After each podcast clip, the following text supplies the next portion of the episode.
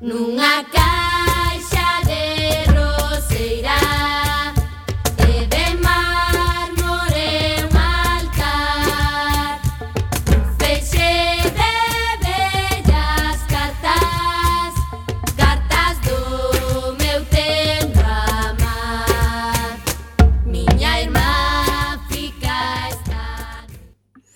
Ola, que tal? Recendeiras e recendeiros, benvidas e benvidos a este espazo radiofónico semanal dedicado á cultura que facemos en riguroso directo todos os martes ás 7 da tarde na CUAC FM no 103.4, a radio comunitaria da Coruña.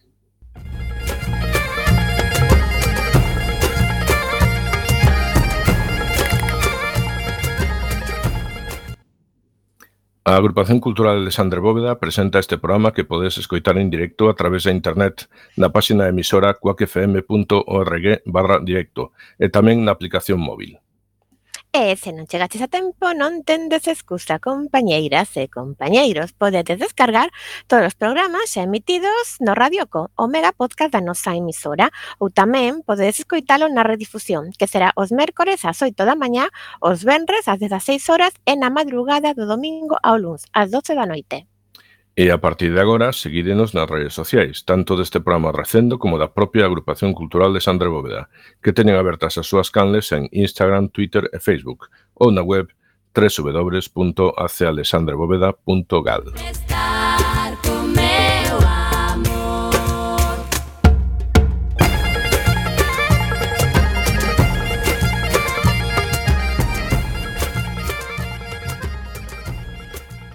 Xa sen máis, imos caraló na procura desta fantástica aventura cultural con Roberto Catoira no control técnico e falándolles coa Almanteira, Roberto Catoira na locución. E Gema Millán.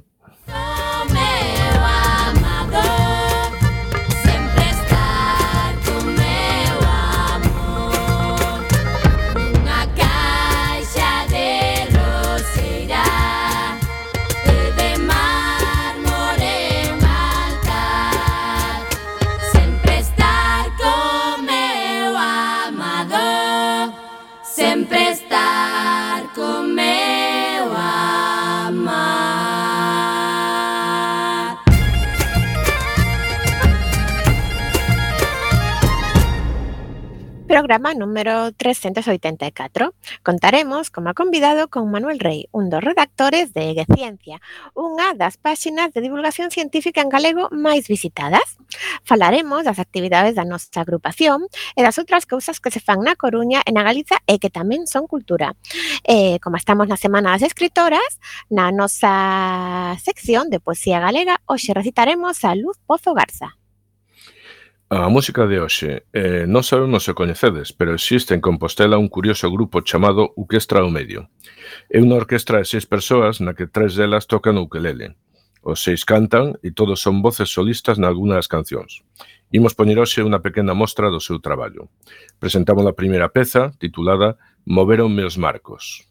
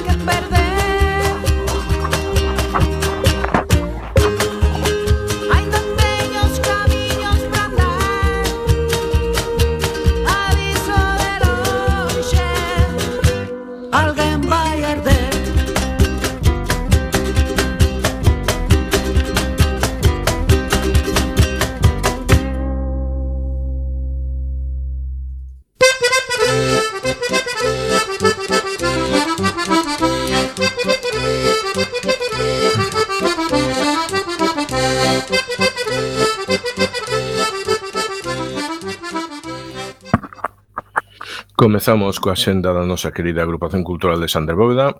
E temos o seguinte, mañá mércores 20, Uxío Breogán Dieguez ofrécenos a palestra titulada O galeguismo no exilio mexicano.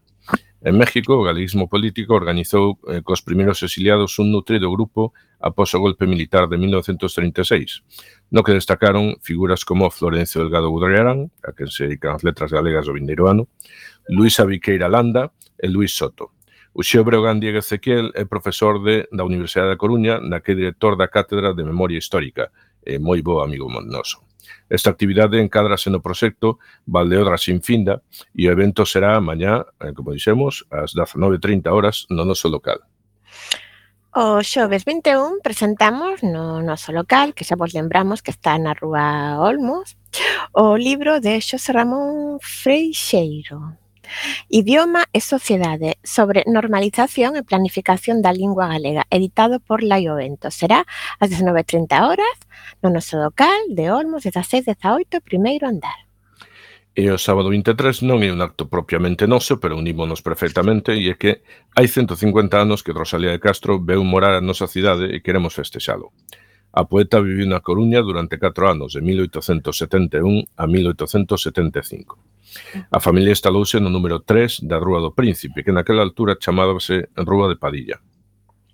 Habrá actividades dende as 10.45 horas da mañá, unha alborada, o sea que podese madrugar, ata as 23 horas. Case todas son no Círculo de Artesáns e algunhas no Teatro Rosalía. Algunhas delas requirense, requiren inscripción previa por haber prazas limitadas.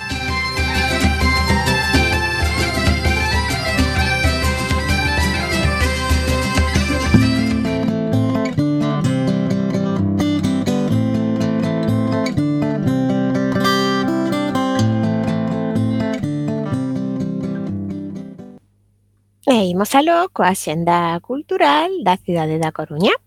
Empezamos polo audio audiovisual. Esta semana, nas salas de cine do Foro Metropolitano votan dúas películas de longa duración, polo que haberá algunha sesión menos das habituais. Unha das salas proxectan Satiricón de Federico Fellini e na outra a película chinesa Ata sempre, meu fillo, poedes velas dende o xoves 21 ata o sábado 23.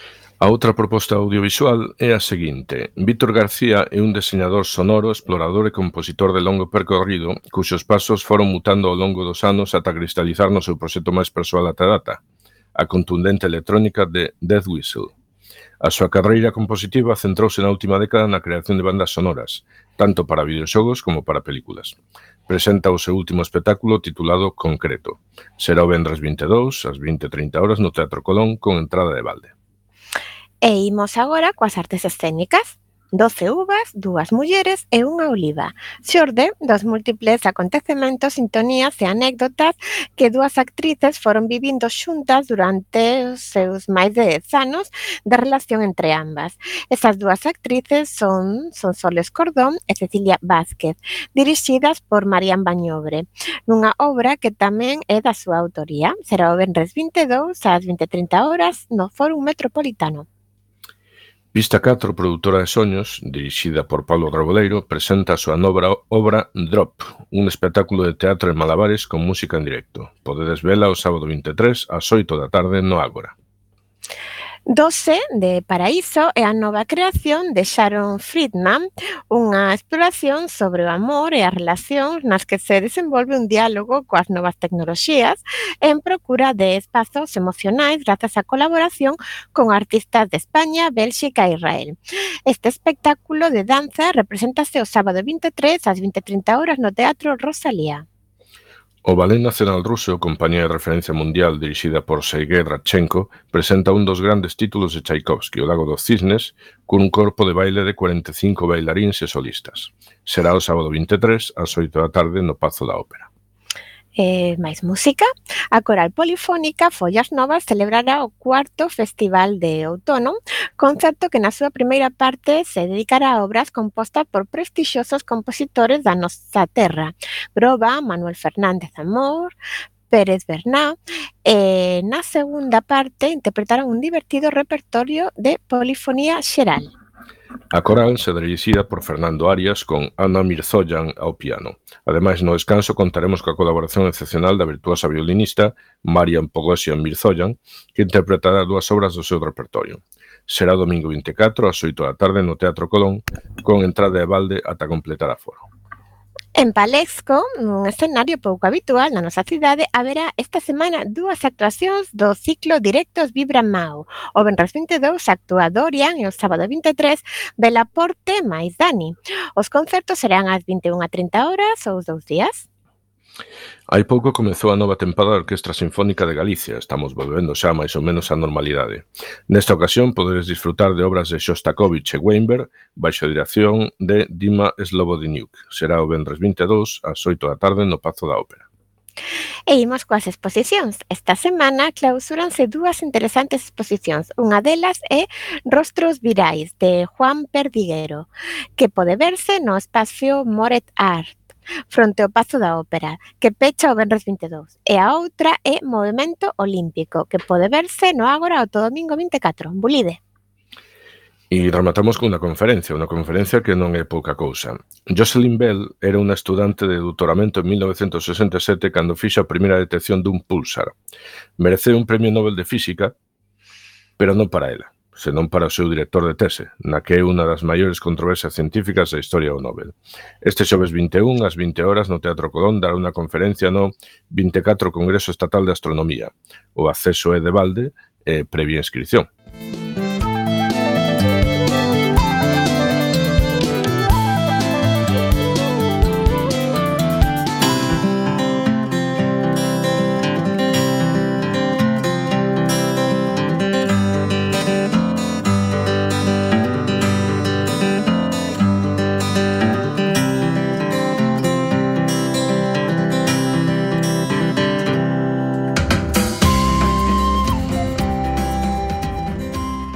E comenzamos agora xa ca xenda da Galiza. Principiamos pola vila de Ferrol. Fausto, Escrigas e Ramón Verdeal reúnense nesta ocasión con banda para facer unha revisión actual dos estándares de jazz de onte de hoxe. Será o xoves 21 ás 21 horas na Capela do Torrente Ballester. En Lugo, eh, para recuperarse un poquinho de San Froilán, como todos os anos, a compañía galega M2 Emoción e Arte representa a obra de teatro infantil Semente, o home que plantaba árbores. Poderedes vela o domingo 24 ás seis e media da tarde no Auditorio Municipal Gustavo Freire e imos a Pontevedra. O Cine Clube Pontevedra ofrece este mes unha programación variada, hoxe martes 19 ás 20:30 horas no Teatro Principal poderá verse Documentor, dirixida por Agnes Varda, da que narra a historia de Emily, unha muller francesa que acaba de divorciarse e que busca un lugar onde vivir co seu fillo de oito anos na cidade de Los Ángeles. Na nosa cidade irmá Vigo, Isabel Risco protagoniza Bravas, o seu segundo espectáculo unipersoal, no que nos ofrece a súa particular visión da historia das mulleres galegas, unha historia sempre escondida e invisibilizada. Atoa o Vendres 22 ás 8 e media da tarde na Sala Ártica. E pegamos un chimpo ata Santiago. Os amantes do metal teñen unha cita importante esta semana. As bandas madrileñas Megara e Eternal Psico actúan o venres 22 ás 21 horas na sala Malatesta. Non fagades caso do que vos digan, o noso verdadeiro chimpo sempre é a taurense, porque a Real Filarmonía de Galicia inicia o seu camiño en Santiago de Compostela en 1996, Paul Daniel é, desde 2013, o seu director titular e artístico, posto no que precederon Helmut Rilling e Antoni Drosmarva. Ainda que nesta ocasión será dirixida polo compostelán Massimino Zumolave. Actúa o vendras 22 ás 20 horas no Teatro Principal. Bueno, para recuperarnos de tanto chimpo para arriba e para baixo pola geografía galaica, imos agora un plácido paseo pola Mariña Lucense. Os contacontos Abelino González representa o seu espectáculo Contos de Contrabando, o Benres 22 ás 20 30 horas na Sala Bahía de Foz. Por outra banda, a compañía Os Monicreques de Cucas representa Don Gaiferos o domingo 24 ás 20 horas no Auditorio Municipal Hernán Naval de Ribadeo.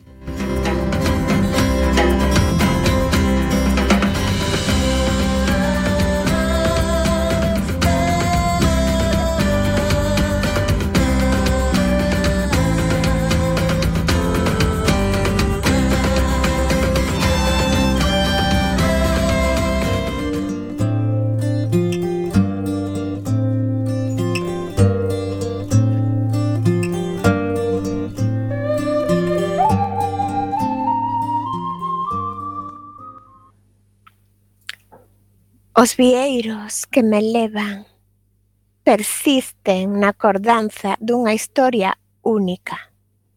Alguén pasou na hora das campás de de noite, na ráfaga do tempo. Entre palios de fe, bóvedas interiores, a exacta perspectiva penetra polos ollos. Un amor único, unha pausa armoniosa, unha lámpada acesa, sutil coñecemento da condición suprema.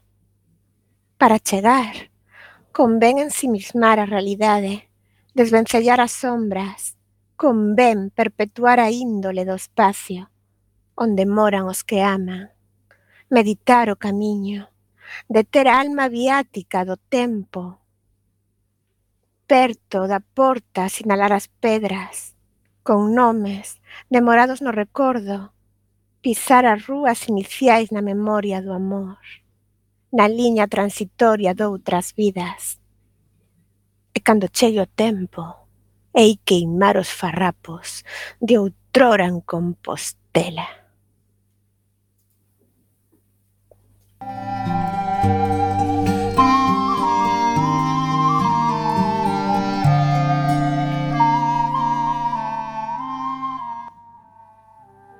Acabades de escoitar o poema titulado Onde moran os que aman, da poetisa Luz Pozo Garza, pertencente ao seu poemario Códice Calixtino, publicado no ano 1991.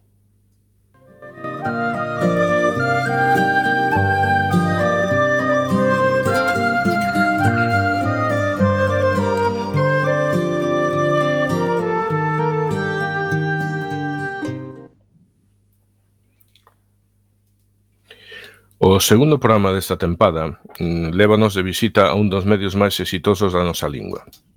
O noso convidado é o medio líder entre os nativos digitais en galego. Tamén é o medio privado líder en galego en calquera formato e o quinto medio galego en internet, incluídos os xeralistas con versión en papel. O medio do que estamos a falar é Ciencia, un medio dedicado a divulgación científica e tecnolóxica, facendo especial énfase á ciencia feita en Galicia de Ciencia foi creado no 2013 polos xornalistas Pablo López e Eduardo Rolán, coa ciencia como a principal contido, máis cubrindo tamén os temas vencellados á saúde, a tecnoloxía, o mar, a natureza, así como o territorio e a universidade. Debido á súa naturaleza digital, Geciencia se ven adícase a produción de contidos audiovisual e podcast, así tamén como a outras actividades non estrictamente xornalísticas, como a organización da Semana da Ciencia de Vigo, o Día da Muller e da Nena na Ciencia, no Concello de Pontevedra, obradoiros científicos nos institutos ou a organización dos premios de xornalismo científico Contar a Ciencia ou Galicia Spin-off. Para contarnos máis sobre a ciencia, eh, temos hoxe connosco o xornalista carballés Manuel Rey. Despois de ter traballado para La Voz de Galicia e Radio Voz, pasou a ser redactor de Que Ciencia. No ano 2017, o Premio Galicia de Xornalismo Científico eh, ganou polo seu artigo sobre a taxia da, co da Costa da Morte. Dous anos máis tarde, no 2019, este artigo medraba e se convertía en libro, concretamente El mal sin cura de, eh, de la Costa da Morte.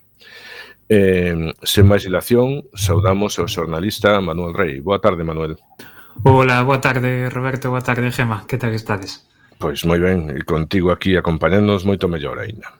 Bueno, pois eh, pues, como se costume, moi feo nos de comezar as cousas polo principio, así non imos chegar a ningún sitio, claro. Eh, cales son as orixes de Geciencia? Ciencia?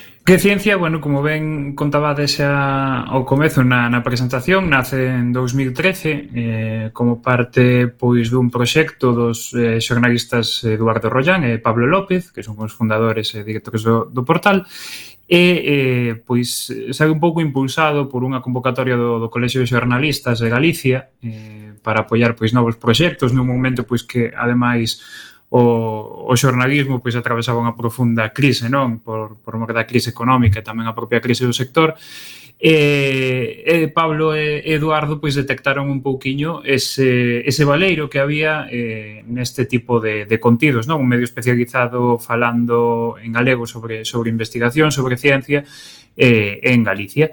E foi un pouquiño pois como se puxo en marcha todo e eh, ata hoxe a piques de cumprir os oito anos que se cumpren pois o mes que ven. En, en novembro o proxecto cumpre oito anos no, no aire na rede. Uh -huh. E como vos Pero, explicar parabéns, ese éxito? non, Roberto, dalle soltalle parabén aí a Manuel, parabén. Ah, sí, sí, sí, claro, claro, por suposto, pero... Estamos pero, para, parabéns a toda a audiencia que os visita con moita frecuencia, precisamente deso iba a pregunta. Eh, como vos explicades o éxito acadado polo vosso medio? Porque xa sabes que en Galicia, en España en xeral, o deporte chama máis. A ciencia, pois, non está tan de moda, pero Porque sí, a verdade, bueno, nos últimos anos eu creo que foi un, un crecemento notable. Obviamente a pandemia tivo moito que ver, eh, pero eu creo que xa antes había un interese crecente pola pola ciencia, pola investigación eh, para pois eh, contala dunha maneira máis máis accesible, eh, pois máis eh, eso, máis accesible, máis atractiva para o público en xeral. Eh, a propia comunidade investigadora pois tamén cada vez é máis consciente de, de facer achegar á sociedade pois o seu traballo, que ao final pois están aí día a día traballando eh, cada persoa no seu, no seu ámbito de coñecemento pois para mellorarnos un pouquiño a vida a todos Eu creo que contar eses traballos que se fan, como repercuten na vida da xente, como se está traballando pois de portas para dentro neses laboratorios para que eh, pois eso, todos poidamos ter un, unha perspectiva de futuro algo mellor eh, eu creo que eso nos últimos anos pois pois aumentou moito moito ese interese e iso notase, a xente agradeceo e se se conta pois dunha forma atractiva, a xente está interesada en, en aprendelo, desde logo. -huh. eh, canta xente está detrás de, de ciencia, Manuel? Bueno, boa tarde, hola, tá, xa nos saludamos. Canta, canta xentiña aí detrás? Pois iso, agora mesmo o, o proxecto que foi fundado por, por Pablo e eh, Eduardo Rollán, pois que, que siguen presentes no, no proxecto, eh, agora mesmo contamos con dous redactores, con isto eu, isto está tamén outra compañeira, Laura, Laura Filloi, pois que tamén está dedicada ao proxecto, e despois contamos pois con colaboracións puntuais desde diferentes perspectivas, non? Os eventos que, que mencionabades antes, pois sempre contamos con algunha máis man, man máis para poñeros en marcha, eh, tamén pois desde deso as eh, actividades, os certames que, que falábamos, non? O, Premio Galicia Spin-off de, de Innovación, o Premio Contar a Ciencia de, eh, de xornalismo científico, aí sempre pois contamos con algunha con algún equipo de, de colaboradores pois máis amplo que nos que nos bota unha man. Pero bueno, no día a día o núcleo somos esas esas persoas que vos contábamos. Uh -huh, moi ben. Eh, ao ser un medio dedicado á ciencia, como é de complicado atopar anunciantes, sponsors, patrocinadores, como vai a cousa? Sí, ese é un aspecto que creo que os medios lidiamos sempre, non? Vos ben o, o saberedes desde, desde Quack, non? Pois que tamén eh, hai, hai que pois, precisar ese apoio, non? Para, para sacar as moitas ideas que temos en, en marcha que nos gustaría facer, Um, pois eh, o apoio ven moitas veces pois desde, desde institucións que a verdade pois eh, desde Galicia sempre podemos mellorar, non? E sempre podemos pedir máis, pero bueno, a verdade pois que desde diferentes instancias sí que hai un, un apoio a, ao proxecto e despois pois tamén eso a través destas eh, iniciativas en colaboración pois con, con empresas, con institucións públicas, eso, universidades, organismos eh, de diverso tipo, pois aí sí que estamos eh, intentando pois, recabar esa liña de, de financiamento, non? Dende aquí podemos dicir que estáis máis que abertos a recibir patrocinios, non? É, que sí, é o momento. podemos aproveitar para, para reclamar. Sí, sempre, pois eso, hai que explorar diferentes diferentes fórmulas que, que nos axuden un pouquiño a, a subsistir, non? Que ao final, pois, é un traballo que, que obviamente pois é profesional e que, que ten que, que ser atendido como tal, non? O sea, son maiormente institucións científicas, dis. Eh, sí, hai un, eso, hai institucións académicas eh, pois eh, como eso, as universidades, temos pois apoio eh, puntual das universidades de Vigo, de Santiago, de Coruña en diferentes proxectos, tamén algunhas axencias pois eh, tanto eh, gobernamentais a, a nivel estatal como da Xunta de Galicia, coa que sí que temos diferentes liñas de, de traballo, unha das, das cousas pois das que estamos máis orgullosos, por exemplo, nos últimos anos, é acceder a, ao programa de, de difusión da cultura científica que, que organiza todos os anos a Fundación Española de Ciencia e Tecnología, que está escrito ao Ministerio de, de Ciencia e Innovación. E, bueno, a verdade é que desde que, que Ciencia se puso en marcha estas axudas están disponibles para, para actividades de divulgación eh, a meirande parte dos anos pois resultamos seleccionados, non? E iso é pois unha, unha convocatoria de financiamento moi importante que tamén pois permite dedicar máis recursos a, a cousas que facemos, non? Uh -huh, é que sabedes vos sobre o perfil do, do voso lector ou usuario de ciencia, como, como lles chamades, non sei, receptores, Sí, lectores, eu creo que, que bueno, son lectores, espectadores, eh, hoxe en día no, no, no xornalismo digital e nos, nos medios digitais eu creo que...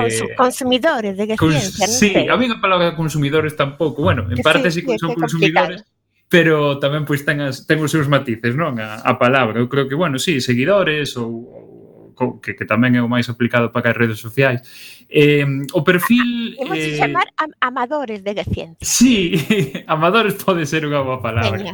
Que sabes de, de que perfil pensas ti, ou igual o sabes xa, porque fixeches estudios ou algo, pero que pensas ti que é o perfil deso, dos, dos amadores de ciencia? Sí, a verdade é que, bueno, hoxe en día co, coas análises de, de audiencias que, que podemos facer pois a diferentes niveis, igual non, non tan profundos como, como medios como hai recursos, pero, bueno, sí que podemos intuir e, e saber tamén, pois polo que comenta a xente, polo boca a boca, co que fagas coa xente que, que coñece o proxecto, eh, hai, eu creo que dous grandes grupos eh, que sí que responden a, a un perfil mayoritario nos nosos sectores, que é o o mundo académico, desde logo, da investigación, que obviamente pois se falan deles, como comentábamos antes, non? O deporte, pois mm. que quen lle gusta o deporte ou quen fai deporte, eh, pois eh, gusta verse refletido nos medios e, e nós pois igual, se falamos de investigadores de, dunha comunidade pois eh, mm, como investigadora en Galicia que é potente, pero bueno, que o número pois tampouco moi grande, sempre hai redes, non? Pois a xente coñécese, sempre se alegra pois de ver a un compañeiro ou unha compañeira facendo algún algún traballo destacado e publicado en algunha revista científica E, e bueno, pois aí sí que hai un, un núcleo importante de, de amadores que, que nos siguen, non? Despois, por outra banda, está tamén a comunidade educativa, que é moi importante. Eh, nos, pois, xa nos pasou varias veces, non? De, bueno, pois, de convidarnos a, a dar charlas tamén en centros educativos ou o mero feito tamén, por exemplo, de que nalgúnas probas de, de avaliación, pois nas, nas probas de acceso á universidade eh, ou en, mesmo en exames que, que se poden eh, facer nos centros educativos, pois se incluen textos de ciencia. Eu creo que eh, o, o modo no que contamos as cousas, eh, que falamos pois de temas que se poden incluir nos, nos materiais eh, eh, formativos, e que, que poden ser accesibles tamén para un público xeral e eu creo que hai tamén eso, a comunidade educativa é, é outro dos nosos núcleos fortes. E despois o público en xeral, o que falábamos antes a sociedade en xeral tamén está moi moi atenta cada vez máis á ciencia notouse lóxicamente moito este ano co tema da, da pandemia do coronavirus. Pero pero eso, cada vez tamén pois por sorte o público é máis variado e, e máis amplo é unha gustiña. Vos recibides eh, al, mm, retroalimentación, tendes comunicación con ese público? Sí, sí, sí. Bueno, unha das, eh, dos nosas asignaturas eh, pendentes en a que estamos traballando é eh, ter un, unha relación máis fluida porque eu creo que vai cos medios. Hoxe en día cada vez máis teñen que escoitar a, a súa audiencia eh, isto xa non é un, unha vía unidireccional na que uns producen eh, diferentes tipos de contidos e producen información e a xente está aí eh, de forma pasiva eh, nos seus fogares ou nas súas pantallas consumindo información.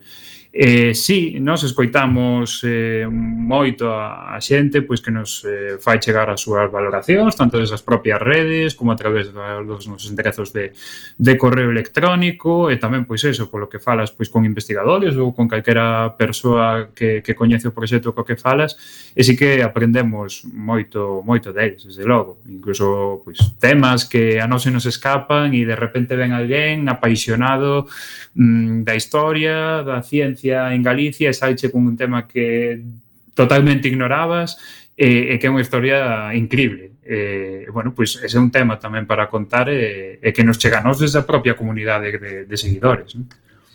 Uh -huh. Eh, nós non somos xornalistas, pero presumimos de ser comunicadores sociais, pero en calquera caso hai un, temos unha dúbida que seguro que vos nos ides poder eh, resolver. Eh, hmm. Cales son as principais diferencias entre adicarse a redacción de novas xeralistas e de novas científicas? Eh, as principais diferencias eu creo que ten que ver coa, co filtro que lle das a, a información eh, antes de publicala. Eu, no meu caso concreto, Uh, creo, bueno, no caso concreto eu creo que tamén pasa no, no conxunto da xente que se dedica un pouco máis ao xornalismo especializado temos que ser moito máis cuidadosos bueno, pero en calquera especialización, creo eu tamén non? Pero sí que na, no xornalismo científico hai que ser moito máis eh, con, precisos coa linguaxe. Por exemplo, ti podes pensar que un termo que ti interpretas como sinónimo de outro non o é. eh? eh, que o científico se pode expresar dunha determinada maneira, pero ti unha vez transcribes iso con toda a boa intención e pensando que comprendeches perfectamente o que che dixo, podes incurrir en algún erro.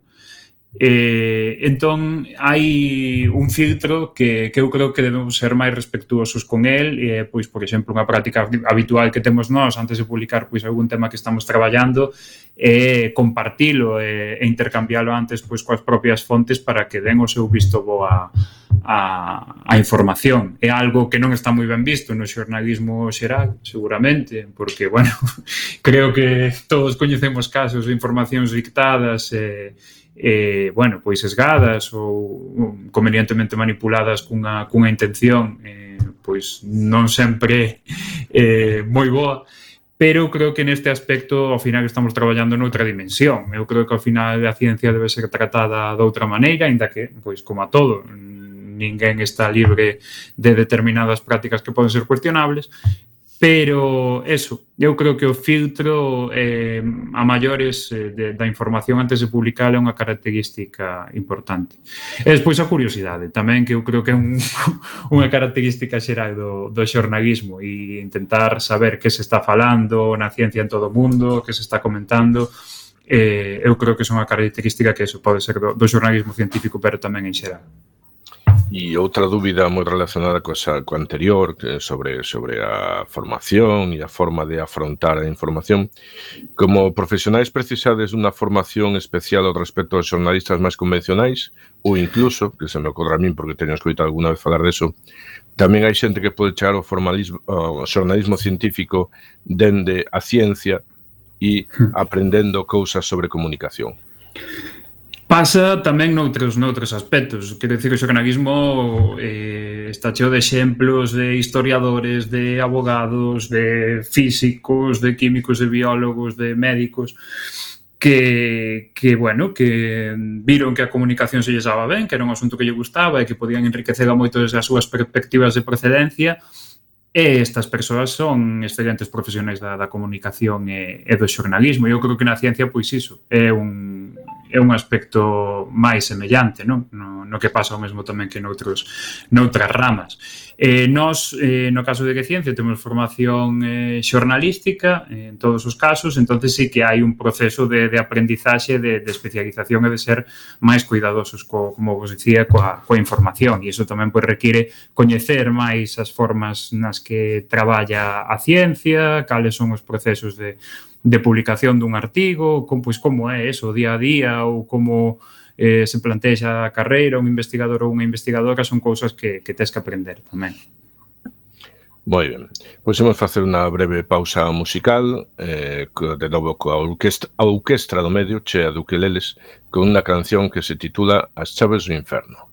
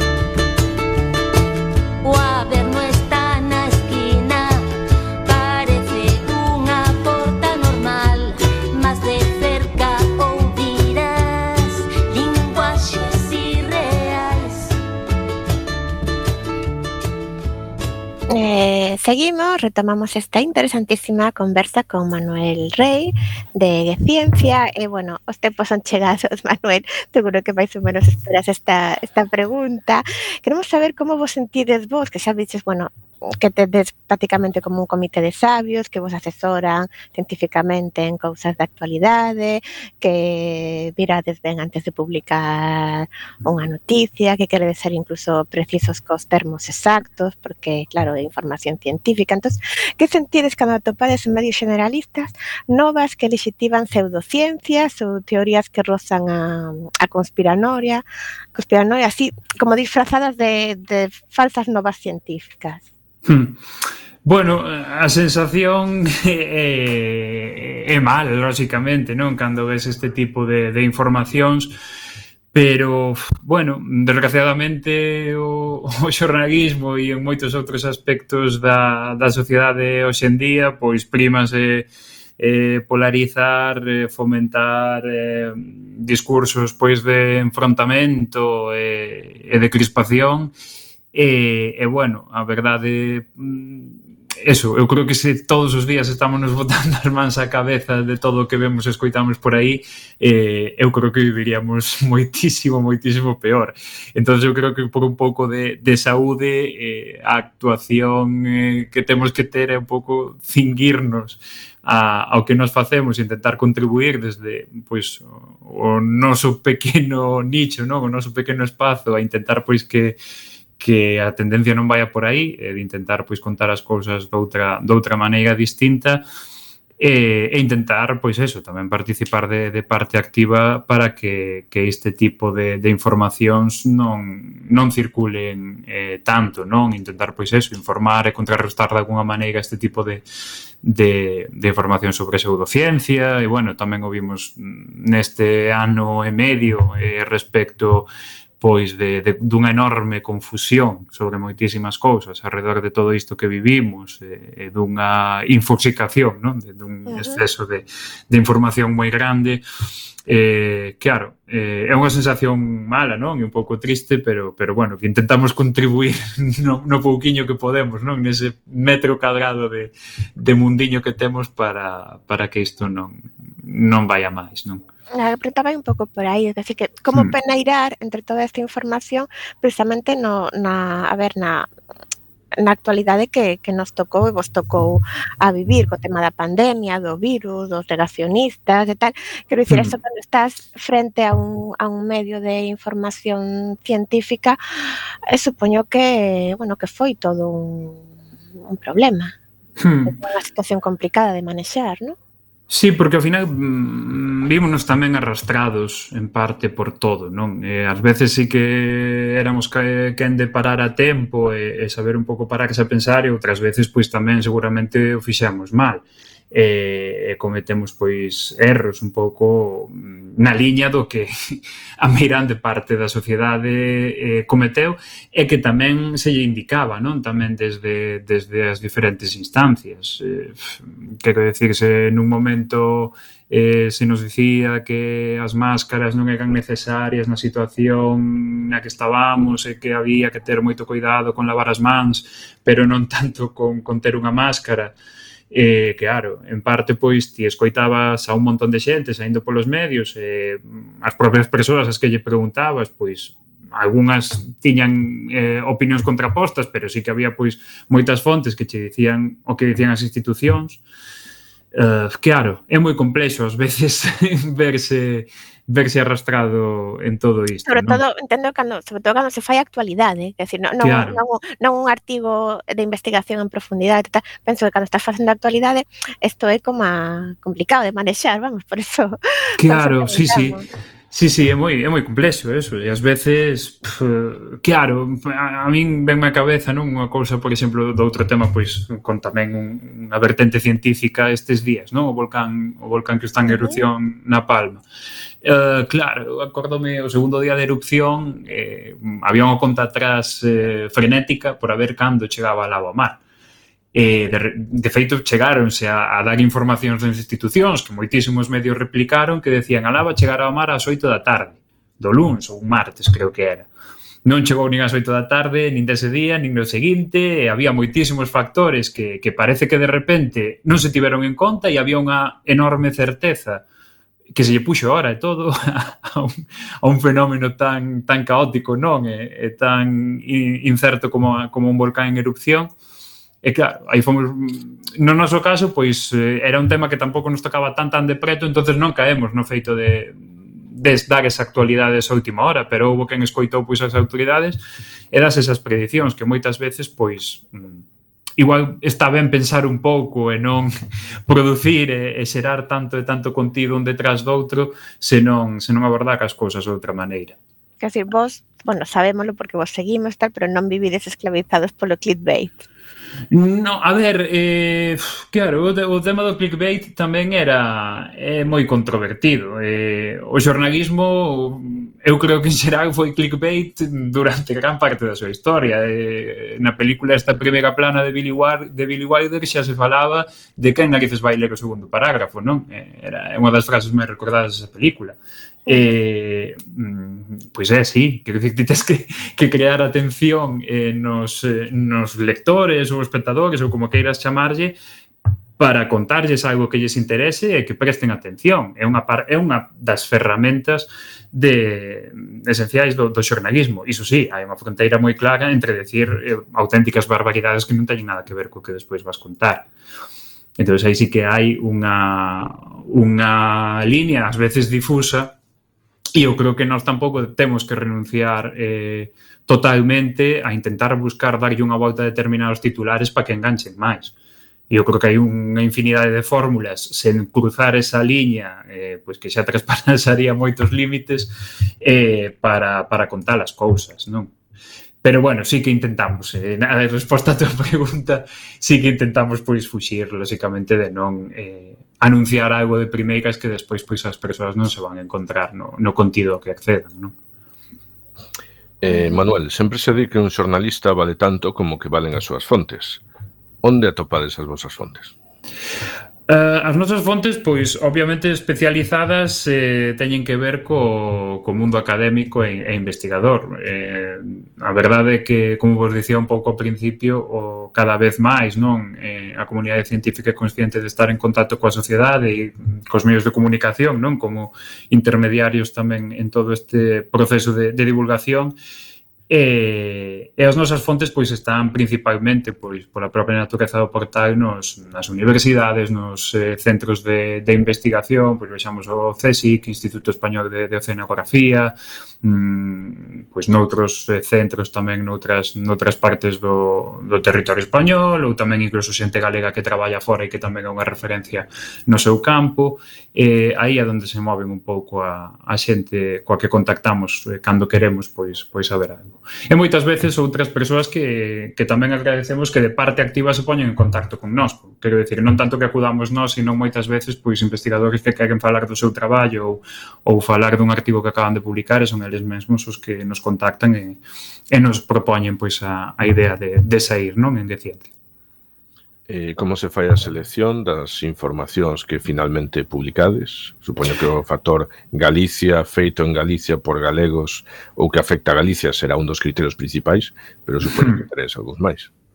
Sí, son diferentes eh, camiños non os que seguimos a, a hora de, de publicar. Eh, lóxicamente estamos pendentes da actualidade, sempre están aí pois eh, gabinetes de comunicación destes, eh, destas institucións que vos contaban, non? Pois universidades que sempre están pendentes de, de do que publican e do que fan os seus, eh, os seus equipos e, e despois tamén eh, parte da, da nosa idea é contar tamén desde Galicia cousas interesantes que pasen no mundo. Eu creo que non tampouco nos debemos cerrar eh, a todo o que pasa aquí sin mirar o que pasa fora, sino que tamén eh, parte do, do noso cometido é contar eh, e ter un lugar onde se conten galego as cousas que pasan por aí adiante. entonces pois, eu que sei, descúbrese o, a primeira imaxe, faz a primeira imaxe dun buraco negro ou unha... Mm, eh, nave eh, espacial chega por primeira vez a cara oculta da Lúa ou, ou o que sexa, pois aí sempre eh, intentamos contalo, contalo tamén. Non? Uh -huh. A ver se nos interesa, por exemplo, como é o proceso para poder cubrir unha nova sobre un tema do que ao mellor pois, pois non tenlles moita idea porque é novidoso ou mesmo é marginal, pero, uh -huh. pero é de actualidade. Como claro, pois Eso non ten tampouco maior eh, maiores claves co que ten o, o xornalismo en, en xeral, ler moito, eh, intentar ler o máis posible, e o máis variado, non non ver as cousas probablemente nun só sitio, senón tamén pois ver os matices, non, dun mesmo tema de, de como se fala deles, non, en, en diferentes medios ou de diferentes fontes. E, e iso intentar tamén contactar con con algunha fonte experta e coñecedora nese ámbito que que nos poida contextualizar máis un, un pouco todo. Por eh, capacidade, por recursos, pois obviamente non podemos chegar a todo, non podemos ter unha capacidade de produción de, de falar de todo no que se move na ciencia nun día, pero bueno, é un pouco tamén tanteo, non? Da, da actualidade, ver un pouco que está interesando máis e, e o que é máis eh, interesante e máis pertinente, non? Para, para o noso proxecto. Uh -huh. Eh, tamén nos interesa saber pois a, opinión que entende desde ciencia sobre a calidade ou o valor da ciencia feita en, en Galicia. Eh, e, uh -huh. e o valor que ten tamén, o sea, como axuda a ciencia a hora de poñer en valor o traballo dos científicos e das científicas galegos. Hmm. A, a ciencia que se fai en Galicia eu creo que mm, pasa tamén no, no contexto estatal e que eu creo que é un mantra que se repiten moitas veces, non? Eh, a formación eh, e o nivel da, da investigación que se fai aquí dos eh, do, do talento que se xera, non? Eh, é moi apreciado noutros países, aí está, pois, eh, non pasa prácticamente semanas en que haxa informacións dun investigador galego ou dun investigador español que está destacando eh, nunha universidade punteira con recursos moito maiores, pero, eso, vese limitado por, por un problema estrutural que, bueno, tamén se está intentando eh, poñer solución eh, cada vez máis, pero eso, moitas veces os recursos non veñen acompañados dese, desa potencia, non dese, dese talento, esa boa formación que se xera.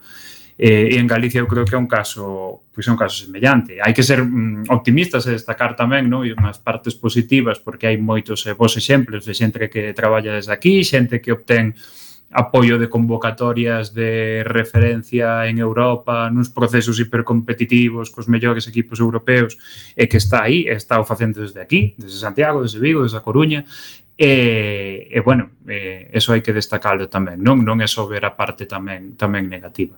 E despois preguntábasme tamén por por un pouco como eh, apoia que ciencia ou como se repercute esta eh, eh, que exista non este medio. A verdade é que nós eh, estamos moi contentos e, e moi felices porque no, no que fan saber moitas veces. Eh, eu creo que non pasa, non? En, en, en todas as comunidades eh, autónomas eh, non hai pois moitos proxectos deste eh, con este enfoque. E eu creo que é un portal que está pois eso, aberto e a disposición dos, dos investigadores, da comunidade investigadora e, e tamén o valoran e, e o recoñecen, eles están pois moi agradecidos e ao final é un medio de proxectar o, o seu traballo e de que tamén pois se fale máis deles, de que a administración ou a institución de turno se dea conta de que se está facendo este aí e que tamén eh, a propia sociedade eh, eh, impulse que se faga que se faga que se dé un maior apoio a, a estes, a estes proxectos, non? E se dé un maior apoio a máis de. Se se sabe que hai xente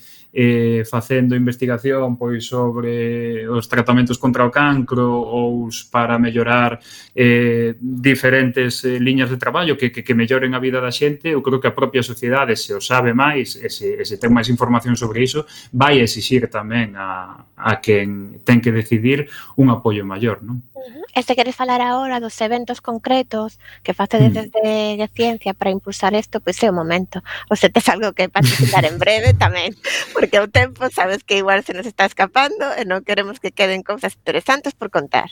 Sí, nada, agora, eh, bueno, temos xa de maneira inminente un dos eh, certames que convocamos, os premios Galicia Spinoff.gal, que facemos en colaboración pois co, co dominio.gal desde o ano pasado, e que recoñecen en diferentes categorías pois proxectos innovadores, non, que se fan en en Galicia, desde a universidade, pero tamén pois empresas eh, nacidas ao abeigo das universidades ou empresas neta, eh, proxectos netamente privados que, que apostan pola innovación. É unha dos eh, é un, é un dos certames que, que convocamos xa desde fai anos e que, bueno, que tamén é un escaparate moi importante para a xente que se dedica aí máis de en Galicia. E despois tamén, pois eso, temos eh, ciclos de charlas de divulgación con, con diferentes eh, institucións. Fixemos unha cun, cun centro de investigación da Universidade de Vigo, Cocinbio, que fixemos un ciclo de, de divulgación en xullo. Temos tamén pois unha colaboración que imos impulsar agora nas vindeiras semanas, despois xa empezaramos en, en xuño con, con a Fundación para abordar os obxectivos de desenvolvemento sostible eh, da, da Agenda 2030, eh, que tamén pois traemos a, a un experto galego en cada un destes ODS para que nos conte un pouco cal é ese panorama para para todas estas liñas de traballo non que contribúen a, a un futuro mellor para, para toda a sociedade. E bueno, pois outras en marcha. Algunhas están cocéndose aínda outras pois sairán, outras non. Pero bueno, a, a idea é iso, seguir seguir adiante con, con estas diferentes iniciativas que se escapan un pouco do, do noso núcleo principal eh, que tamén o complementan, non? Que é o, o día a día, non? Da, da información científica. Unha brevísima pregunta para rematar, porque nos falta un minuto nada máis, xa temos que despedir. Eh, o mellor podedes facelo, podedes facer un seguimento vendo as lecturas dos vosos artigos. Eh, cales son os temas que máis lle interesan aos vosos lectores? Os que suscitan máis oleadas e visitas? Eh? Eh, depende un pouco tamén da da situación na que estamos moitas veces, pois eso, por exemplo, coa pandemia, os temas de máxima actualidade nos que se falaba pois determinada, eso, ás veces última hora ou, ou información que todo o mundo estaba pendente das restriccións, por exemplo, pois eso é unha onda de visitas enorme porque ao final a todo o mundo lle afecta. E fora disso, un pouco máis os temas fora dos, dos momentos así de máis actualidade, e os temas históricos vinculados á ciencia funcionan moi ben, eh, cousas que de xente pois que investigou no pasado e que fixo pois fazañas, non, con recursos mínimos, eso sempre funciona moi ben. E despois, eh, pois por exemplo, asuntos vinculados á, á investigación sanitaria, ao final pois é unha cousa que por desgraza eh, case todos estamos pendentes non? Por, por unha cuestión ou outra e vemos que alguén está traballando para poñerlle coto ao cancro ou as enfermedades cardiovasculares ou a calquera virus ou a, as enfermidades neurodegenerativas ou a determinadas eh, enfermidades que, que xeran discapacidade que alguén faga un mínimo avance contra iso creo que sementa eh, dentro de nós unha alegría que, que bueno, se nota non? A hora de, de que a xente pois acude a ler e, e a ter ese, un pouco ese chute de optimismo, non? Pois, moi ben, pois foi un, un placer terte esta tarde, pero tristemente xa sabes que en radio o tempo desaparece, ou xa xa que eh, moitas gracias por estar connosco, Manuel. Nada, moitas grazas a vos e nada, un placer estar en, en Quack FM, desde logo. Moitísimas gracias e unha honra. Moitísimas nada, gracias a ti, sobre todo moitas gracias por facer de ciencia. Moitas gracias, boa tarde. Boa tarde.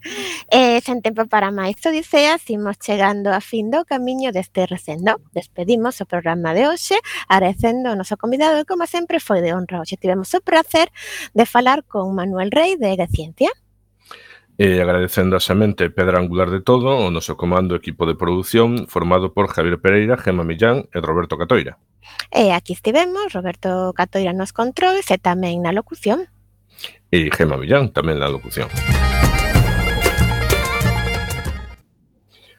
E acompañándote neste recendo de palabras e de imaxes radiofónicas que nos traen este aroma cantado na nosa lingua e que nos permite hoxe e tamén no futuro a permanencia da palabra, da música, da